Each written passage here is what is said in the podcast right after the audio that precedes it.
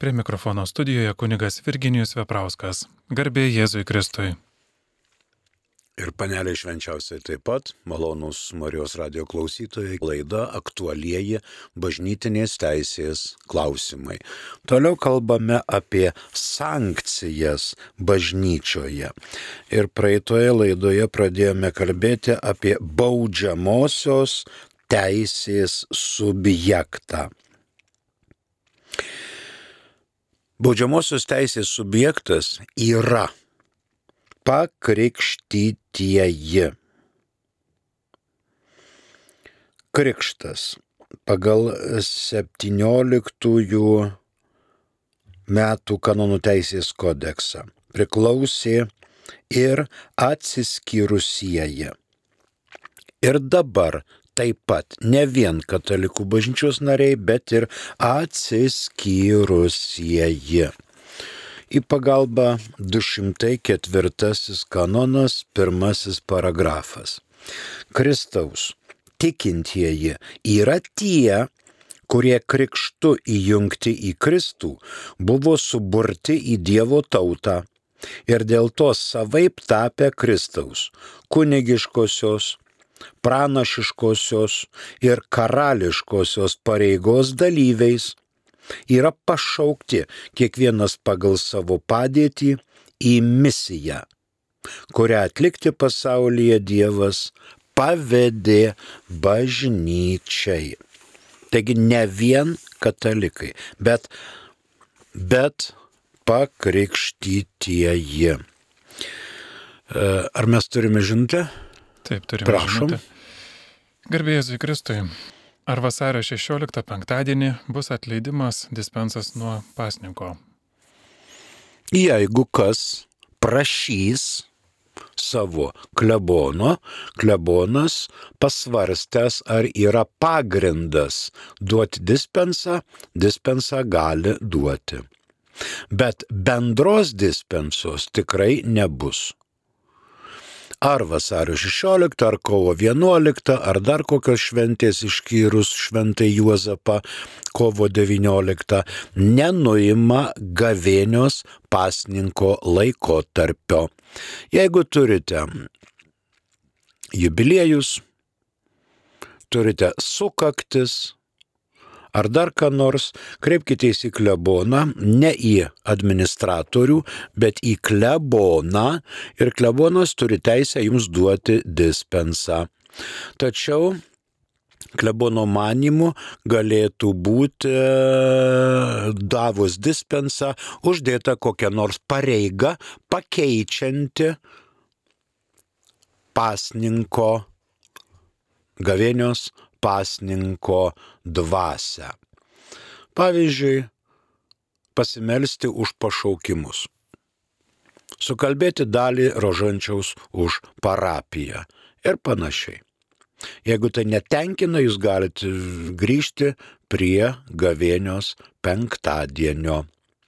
O rytoj yra ne bažnytinė šventė, o valstybinė šventė mums visiems aišku labai ir labai brangi. Naudodamasis progą visus sveikinu su artėjančia vasario 16.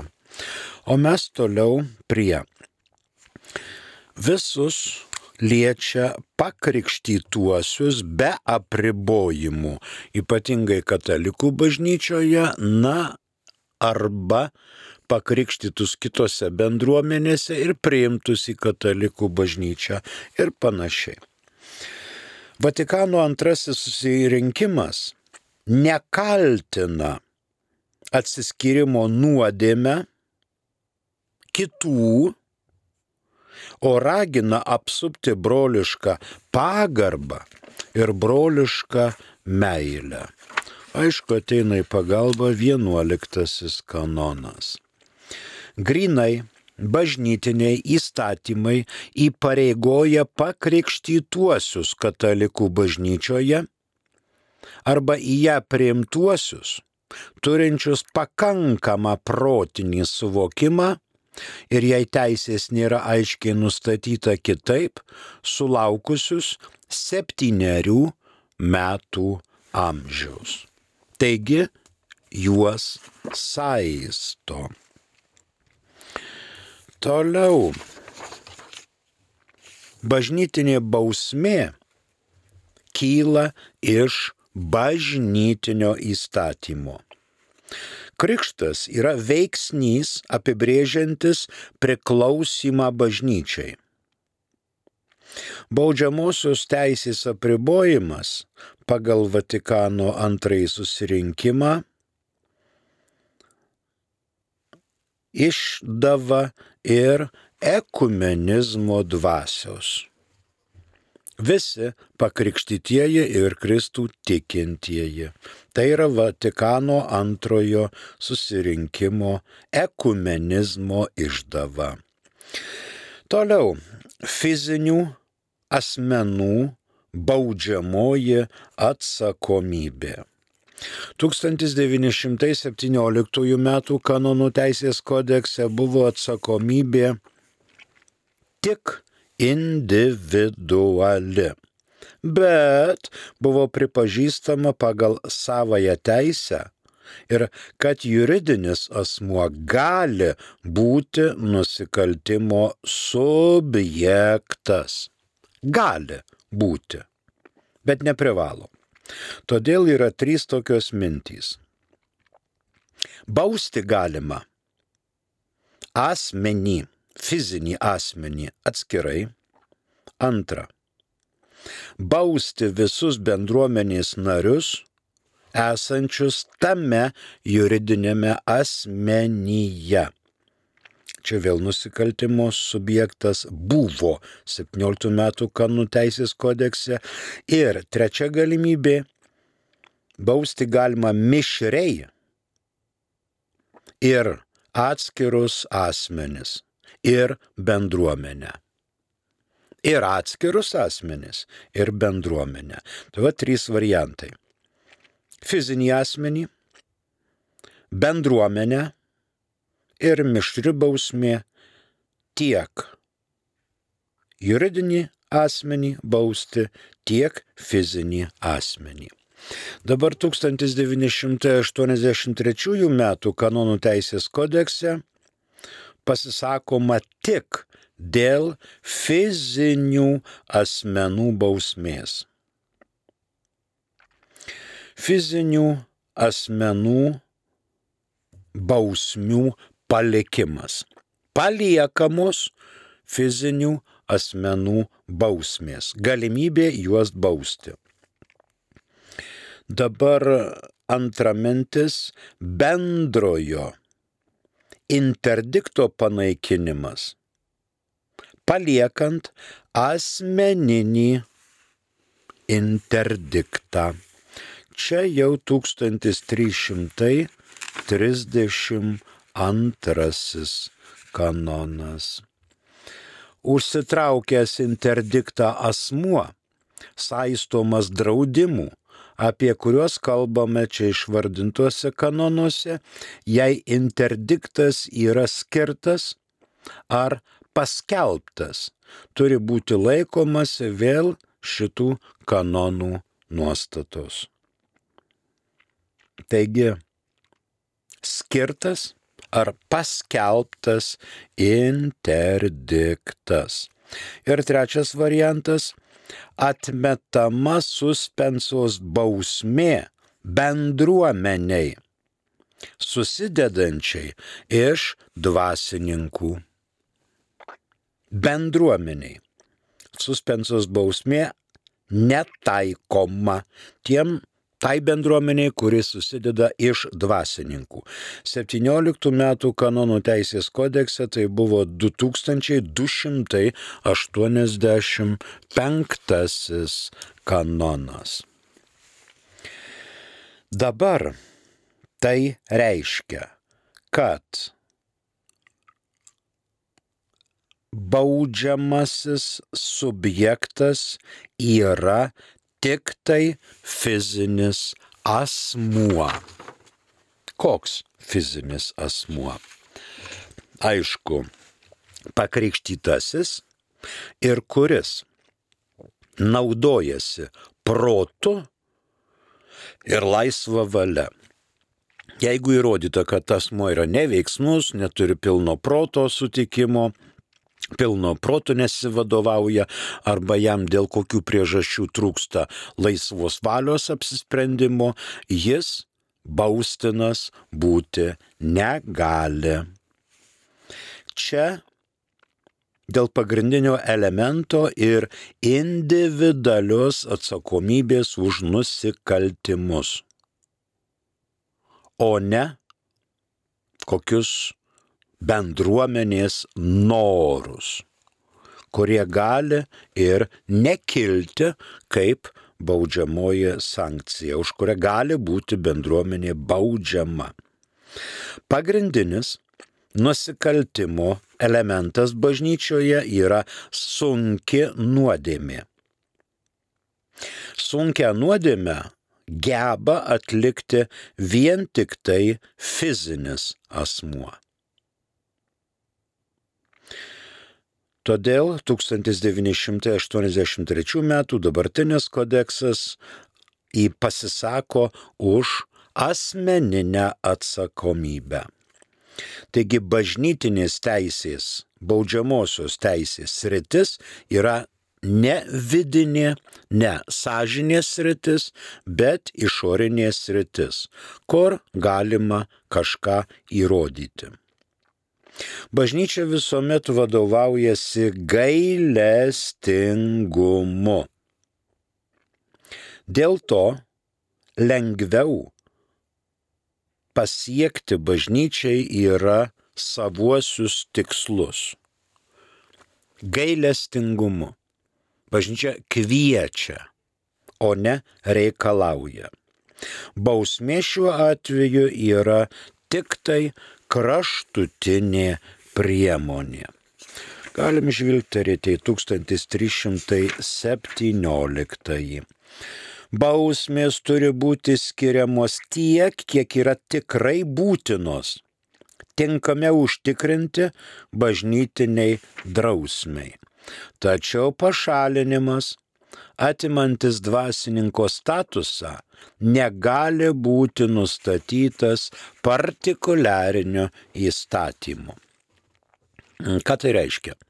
Tai reiškia, kad vietos vyskupas ar provincijolas negali dvasininko šalinti, ypatingai kunigo, iš dvasininkų luomų.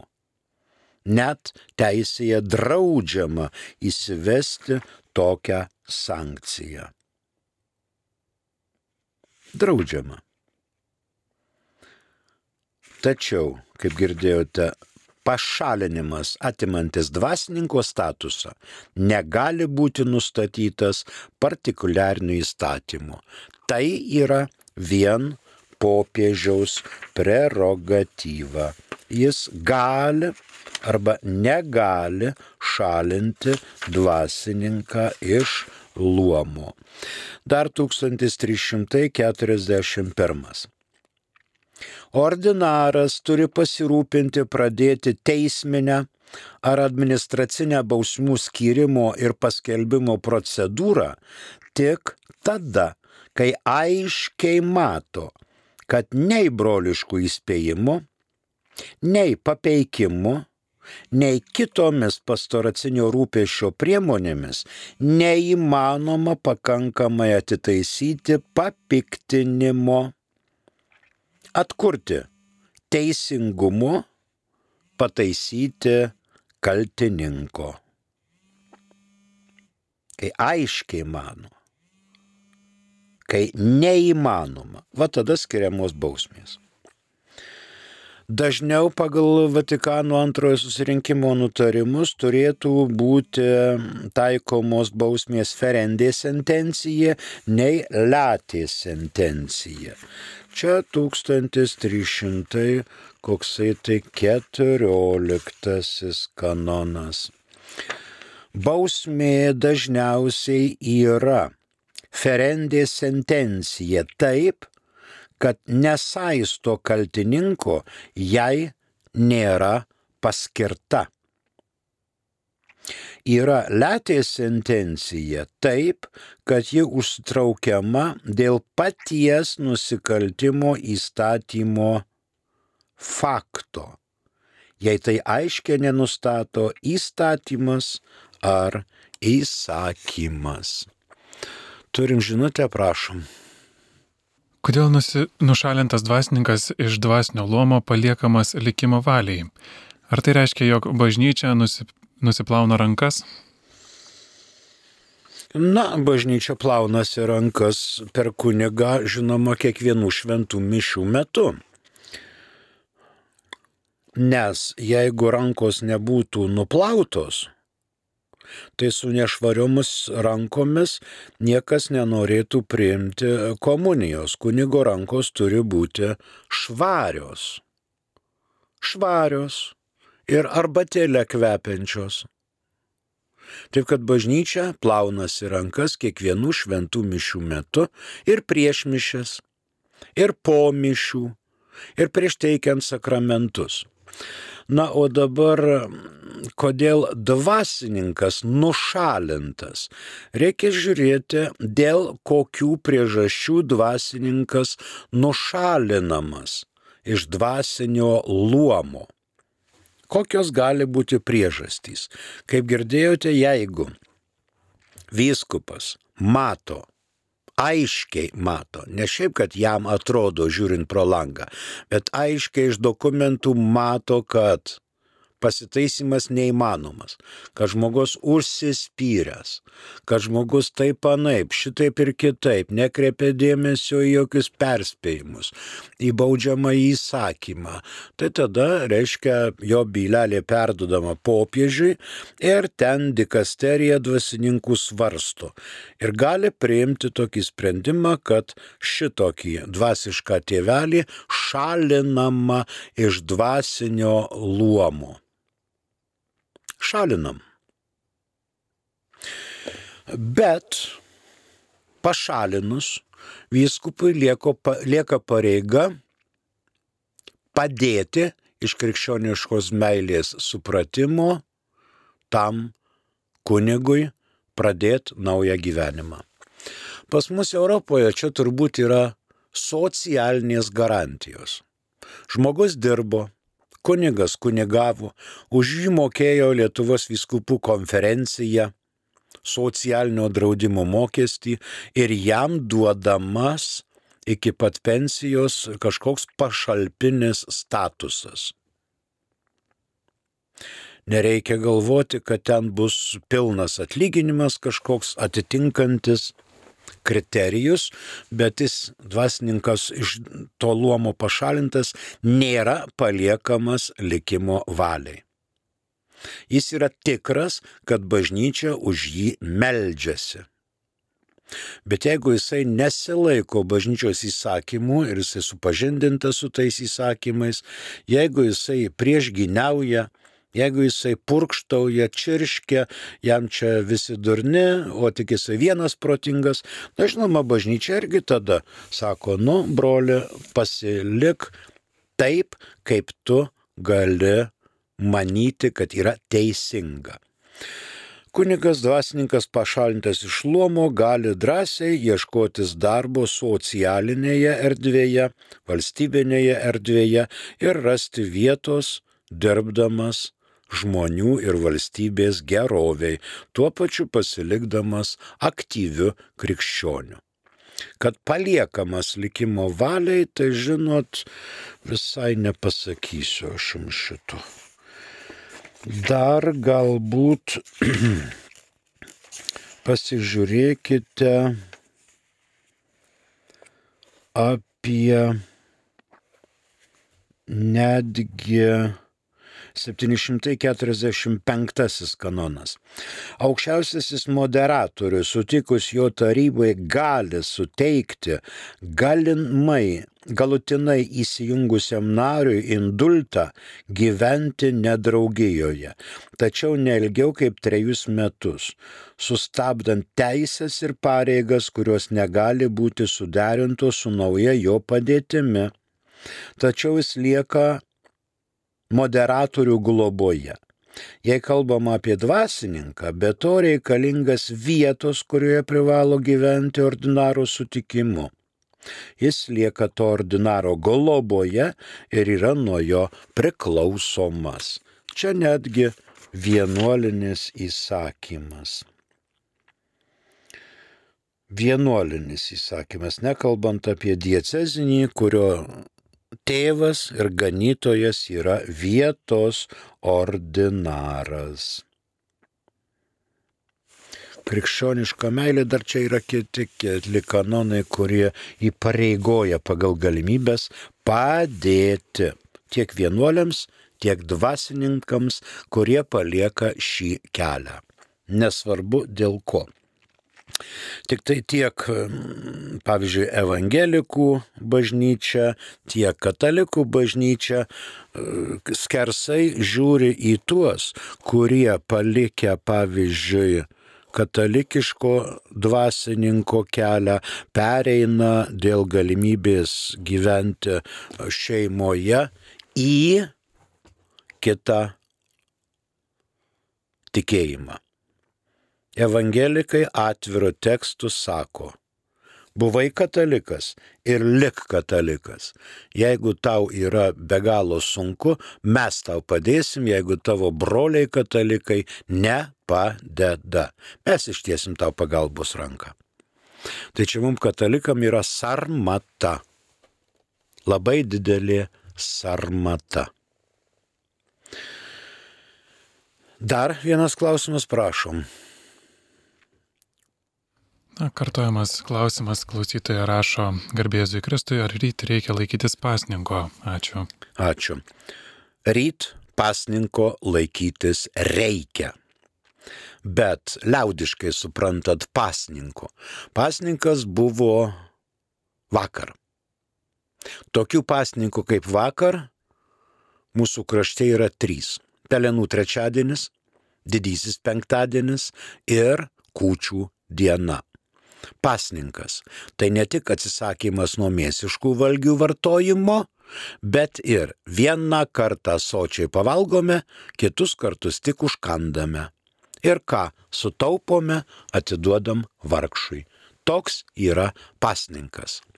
O rytoj yra Gavėnios penktadienis - susilaikimas nuo mėsiškų valgių vartojimo, nuo žinduolių.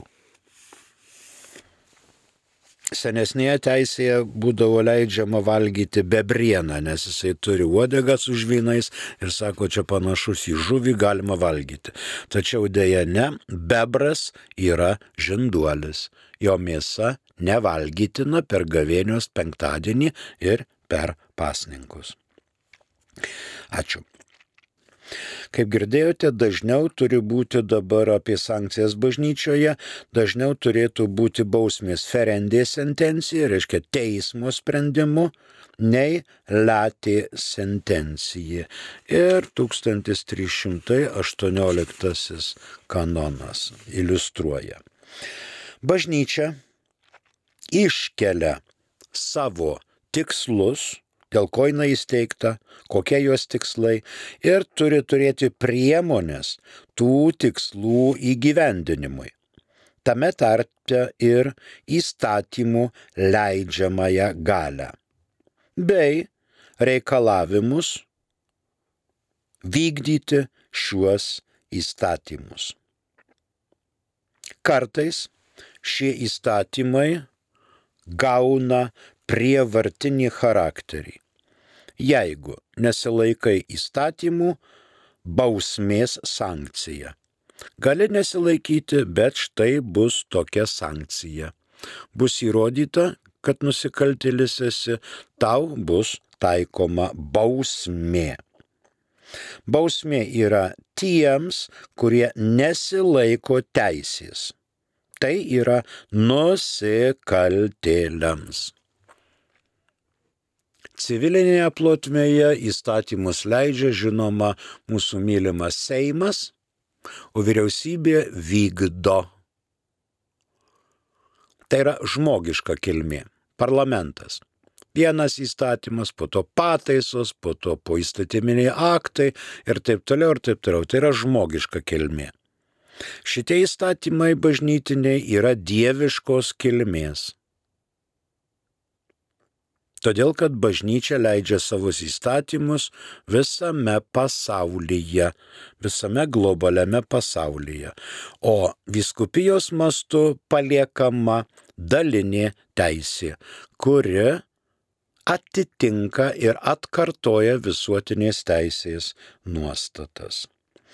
Rytų kanonuose nėra tokio įsakmaus, bet apie bausmių galimybės kalba 1401 kanonas. Na, dabar prie kito 1312 kanono. Turi jis du paragrafus.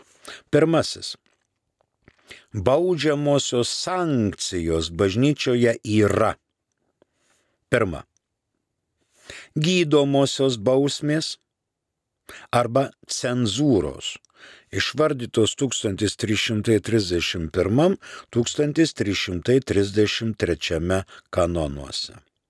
Antras bažnyčioje yra ir atperkamosios bausmės, apie kurias kalbama 1336. Antrasis paragrafas. Įstatymas gali nustatyti kitas atperkamasias bausmes, kurios atima iš Kristaus tikinčiojo kokią nors dvasinę ar laikinąją gerybę ir atitinka ant gamtinį bažnyčios tikslą. Na ir pagaliau trečiasis kanon paragrafas. Be to, naudojamos prevencinės priemonės ir atgailos. Pirmosioms siekiama užkirsti kelią nusikaltimams, o antrosios naudojamos pakeičiant ar padidinant bausmę. Tai prie 1312 kanono yra tokia įžangėlė. Bendrosios pastabos. Bausmės yra gydomos ir bausmės yra atperkamosios. Griežta prasme tik jos abi yra baudžiamosios bausmės. Gydomos ir atperkamos. Prevencija, kaip čia girdėjome, ir atgaila griežtąją prasme nėra bausmės. 1917 m. kanonų teisės kodekse vardotas apibrėžimas gydomosios ir dvasinės liko ir šiame kanone bei atperkamosios. Pasiskaitykit 17 metų kanonų teisės kodekse 221 kanonas. Dabar dar klausimas, taip? Taip, klausimas. Gerbė Jėzui Kristui. Per amžius amen. Kaip suprasti tėvę mūsų? O. Nu, tai Dievas yra mūsų tėvas. Taip ir suprasti. Ne velnes, bet Dievas yra mūsų tėvas. Jono Paulius antrojo šventojo kūno teologiją studijuojant reiškia jisai aiškiai pasakė, jeigu Dievas yra mūsų tėvas, tai dar labiau Dievas yra mūsų motina. Dievas lyties neturi. Dievas yra Dievas. Trijose asmenyse Dievas yra tėvas. Aišku, mūsų kultūroje sudėtingiau suvokti, kad Dievas tėvas yra geras ten, labai geras, nes mes neturime tėvo įvaizdžio kaip rūpestingo, gailestingo, Todėl ir šaukiamės, Tėve mūsų, kuris esi danguje. Padėk mums čia susivokti, kad tu esi tėvas mums čia žemėje. Tai kažkaip taip. Ačiū. Dar vieną turėjome. Ne, neturėjome. Dėkoju. Taigi, dabar galima drąsiai sakyti, kad gydomosios bausmės arba tuo pačiu cenzūros yra sinonimai. Nes negalime uždėti, bažnyčia negali uždėti bausmės arba cenzūros amžinai. Kali ir iki gyvenimo pabaigos ir aname pasaulyje tu jau gauni bausmę, kurios nenusitrinsi. Nes tai yra gydomoji bausmė.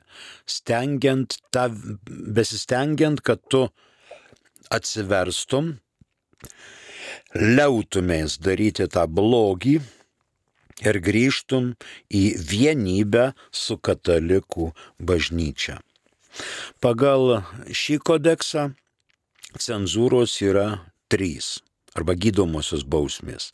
Tai ekskomunika, tai interdiktas ir tai suspensa. Nuo 1331 kanonas. Ekskomunikuotam asmeniui draudžiama bet kokiu būdu dalyvauti tarnystėje, celebruojant Eucharistinę auką ar atliekant bet kokias kitas kulto ceremonijas.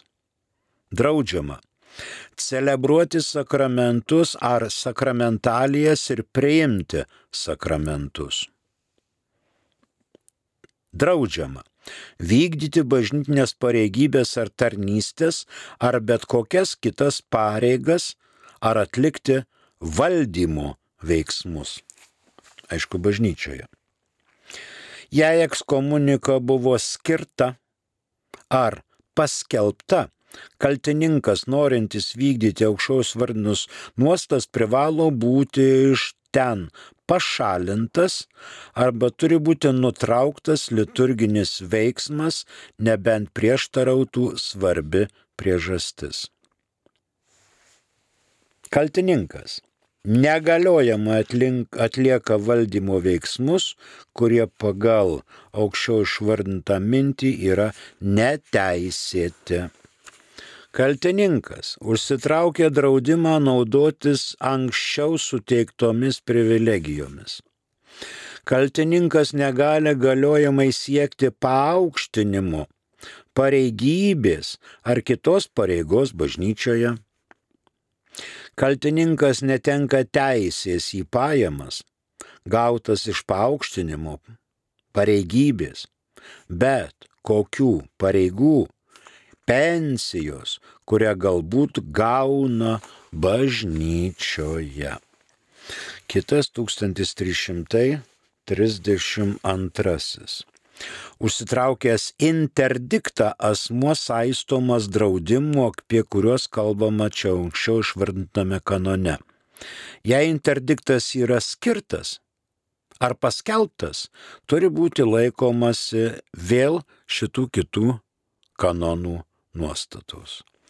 Na ir 1333 suspensa, kuri gali būti taikoma tik dvasininkams. Draudžia visus ar kai kuriuos šventimų galios veiksmus. Visus ar kai kuriuos valdymo galios veiksmus. Visų ar kai kurių su pareigybė susijusių teisių ir pareigų vykdymą įstatyme ar įsakyme gali būti nustatyta, kad po kaltinamojo nuosprendžio ar bausmės paskelbimo suspenduotasis negali galiojamai atlikti valdymo veiksmų. Draudimas niekuomet netaikomas. Bausmę nustatančių vyresniojo galiai nepriklausančioms pareigoms ar valdymo galiai. Teisė į gyvenamą vietą, jei kaltininkas ją turėjo dėl pareigybės. Teisė administruoti gerybės, kurios tuo metu gali priklausyti suspenduotojo pareigoms, jei bausmė yra letė sentencija. Suspensa draudžianti gauti pajamas, stipendiją, pensiją ar ką nors kitą, apima taip pat ir pareigą gražinti tai, kas buvo gauta neteisėtai, nors ir gera valia. Tai va, cenzūros pagal šį kodeksą yra ekskomunika, interdiktas ir suspensa. Šalia šitų dalykų daugiau bažnyčia nieko nenumato. Nuo kada tai? Tai yra nuo popiežiaus Inocento trečiojo laikų. O popiežius Inocentas pradėjo aiškinti šitos dalykus 1214 metais. Tai turbūt Mindaugo laikai kai mes apie bažnyčią nekažika ir te išmanėme. Mūsų laikas išseko, 1312 nepabaigėme, pasistengsim kitoje laidoje pratesti mintis. Jeigu bus klausimų, prašom, kreipkitės, pabandysim pasiaiškinti. Prie mikrofono dirbo kunigas Virginijus Veprauskas, Garbė Jėzui Kristui ir sudė.